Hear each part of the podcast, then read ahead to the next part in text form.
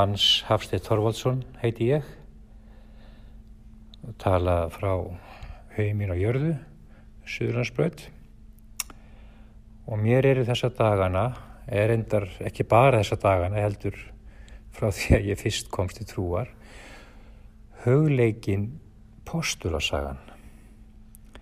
Postulasagan greinir frá því að þegar, þegar kirkja verður til, að þegar heilum anda er útelt yfir já, 120 manns í Jérúsalem.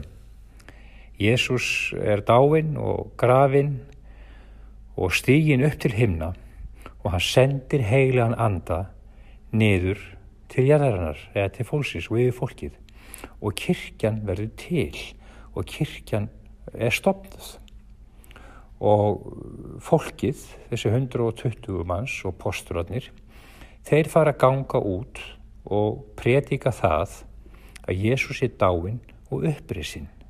Við sjáum það, ef við lesum postularsjóna, þá fyrir við að sjá um, þessar predikanir sem að, þú veist, Pétur predikaði og þú fyrir að lesa þær og predikanir sem að ja, Stefán predikaði eða Pál predikaði, þá er þetta uh, predikanir um Jésu dauða og Jésu upprísu og það sem er svo dýrmætt í þessu að þetta er kirkjan. Kirkjan snýst um Jésu dauða og Jésu upprísu og það líf sem að hann vil gefa. Já, gefa sínu fólki. Og það sem að hérna, er svo gaman í postalsöguna að þetta er, þetta er svona söguleg bók Hún segir frá þessu að þegar apostularnir fara út og predika í Jérúsalem og þeir predika í Júti og, og Samarí og, og, uh, og svo er þeir ofsóttir og Páll er að fara til Damaskus í Sýrlandi til að, til að uh, berja hennu kristnu sem er að predika og skindilega byrtist ljós af himni um hábjartan dag og Páli og hans förunautum og rætt kemur og segir Sál, Sál, hví ofsækið þú mig? Pál hétt Sál. Og Pál segir hver er þú herra? Og ég er Jésús sem þú ofsækir segir Jésús og Páll var fullur af bókviti og, og hann bara frelsast, hann fer inn til Damaskus og frelsast og skýrist og, og fyllist heilum anda og fer að predika. Og það sem ég er að segja í reynveru er ekki áherslu á að Guð, hann notar bara fólk. Þau veit að Pál sérstaklega maður og sérstaklega köllinu við lífi Páls. En bak við Pál, bak við Pétur bak við posturuna er fullt af fólki. Það er Ananias, það er, það er uh, Akvilas og Priskilja, það er uh, fullt af fólki. Lúkas, læknirinn elskaði sem skrifaði Lúkas að Guðspjall, ferðaðist með Páli og skrifaði postulasuguna og, og Filipus og, og, og allt, þetta, allt þetta fólk sem er á bak við þessi stóru nöfn. Og kirkjan, hún bara, hún vex og hún dafnar, hún byrjar í Jérúsalem, hún, það verður mjög öflug kirkja í Antjókíu í Sýrlandi, það er kirkja í Kórindu, í hérna og, í, og svo verður þetta kirkja í Róm. Og á þessum tíma þá er Rómaveldið alltaf eins og þið veitir og það er um allt miðri hafi, það er Asía, Littla Asía og það er Sýrland. og það er Evrópa, það er Spátn, mér sé að England og Norðurströnd Afríku, allt er þetta Rómaska ríkið og fagnarendið breyðist út á ekki svo mörgum árum. Það er talað að postulasagan sé skrifið svona 60, 62 eftir Krist. Þannig að við sjáum það á 30-40 árum. Eða allavega þá bara er Guðsór, það bara flæðir yfir hinn hinn hin þekta heim, getur við sagt. Og, og, og trúabröð sem voru fyrir ímiskonar uh, uh, smá trúabröð, valskist trúabröð, þau bara víkja fyrir kristinni trú. Fólk frelsast og kirkja verður til á ýmsum stöðum. Og það er svo dýrmætt fyrir okkur sem eru kristinn. Og það er ekki bara dýrmætt, það er nöyslegt vegna sem ég held að það sé rás á lyktun Guðus að við tilheyrum kirkju. Að því að það er kirkjan sem að er, hvað maður segja, málið. Máttur heljar mun ekki verða kirkjunu yfir sterkari. Og við veitum það að baráttan sem við eigum í er ekki við menna hold og blóði heldur við tignirnar og völdin í heimingimnum heimstrotna þessa myrkus. En kirkjan hún er aflið sem að riður þessu frá og riður þessu burtu. Og Guð hefur ákveðið það Jésús hefur ákveðið það að í kirkjunni það sé eh, smörning það séu embætismenn það séu trúbóðar og hyrðar og kennarar og postular og spámenn og, og það eru ímis embætti, það er smörning, það er, þannig hefur Guð e, gert þetta.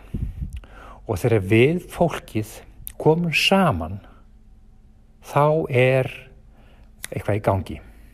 Við komum saman, við lofum drottin, heilur andi mæti þegar við komum saman, við byggjum fyrir fólki, við blessum fólk, við byggjum fyrir þjóðinu okkar og, og því sem að líkur á hjarta okkar.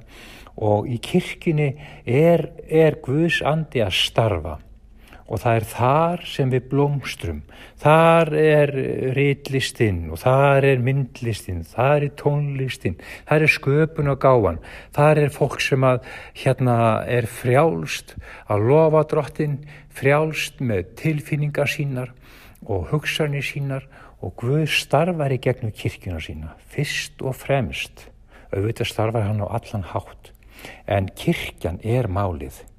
Og ég vil bara hvetja þig sem ekki hefur fundið þér heimili, andleitt heimili að finna þig kirkju og taka þátt í kirkjustarfinni, mæta á sangkomur, mæta á bænastundir og fara að upplifa þetta kristna líf með öðru fólki.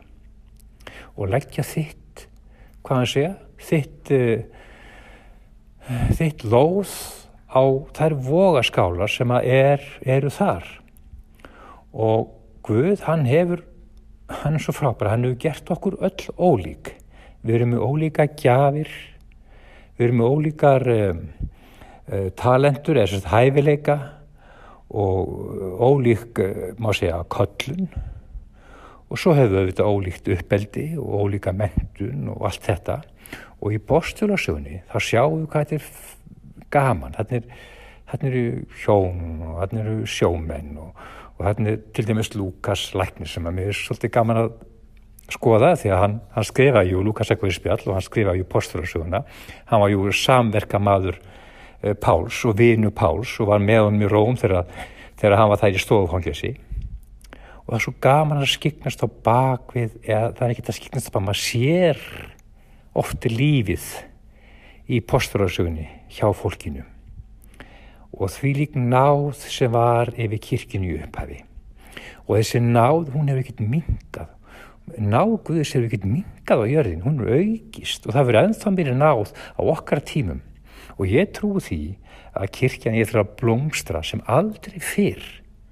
Og hún er að hérna, breyta menningu okkar á Íslandi.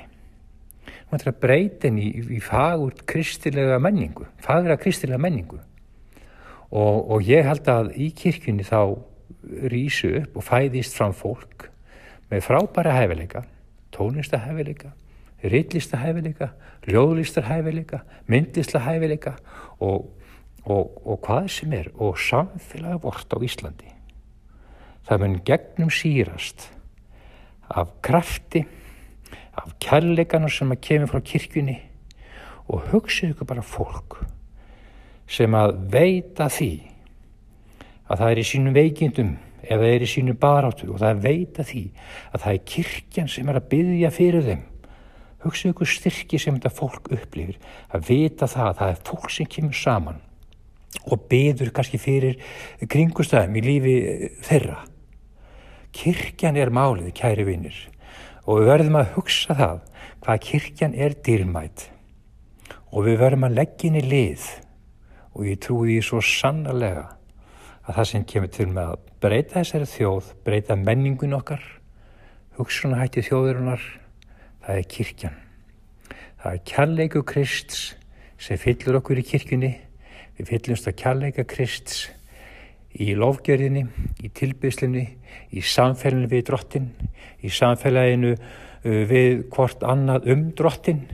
Þannig að Kristur mitt á meðal okkar, hann breytir íslenskri menningu og íslenskri þjóð.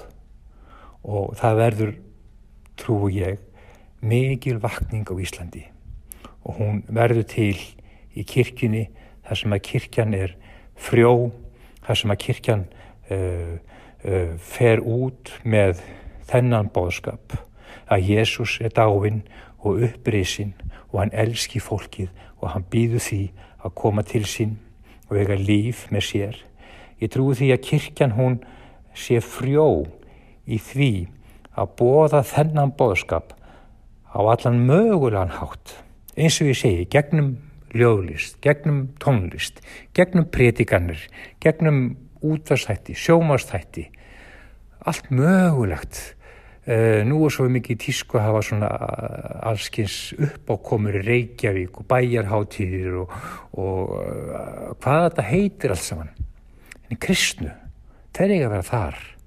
Þeir eru að vera á þessum uh, borgar uppákomum sem að er alltaf vera að bjóða og ég held að fagnarindi fari út svona það fer út frá Reykjavík fer út um all land svo kæri vinnir að lokum bara þetta aftur. Eh, verum meðvituð mikilvægi kirkjunar fyrir okkar kristna líf persónulega kristna líf. Mikilvægi kirkjunar fyrir bara líf þjóður okkar.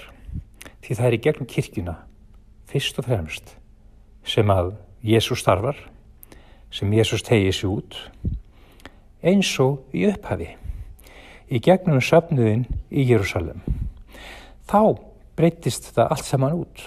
Þetta tegðist út þar og það voru kirkjurnar sem að pretikuðu og sendu út, sendu út Pál og, og Sílas og allt þetta fólk sem að, sem að var að bóða orðið í frumkristinni. Svo góðir hlustendur, ég þakka fyrir aðtiklina og það tækifæri til að segja ykkur frá mikið vægi þess að eignast andlet heimili, elska það og leggja því lið. Góða stundir.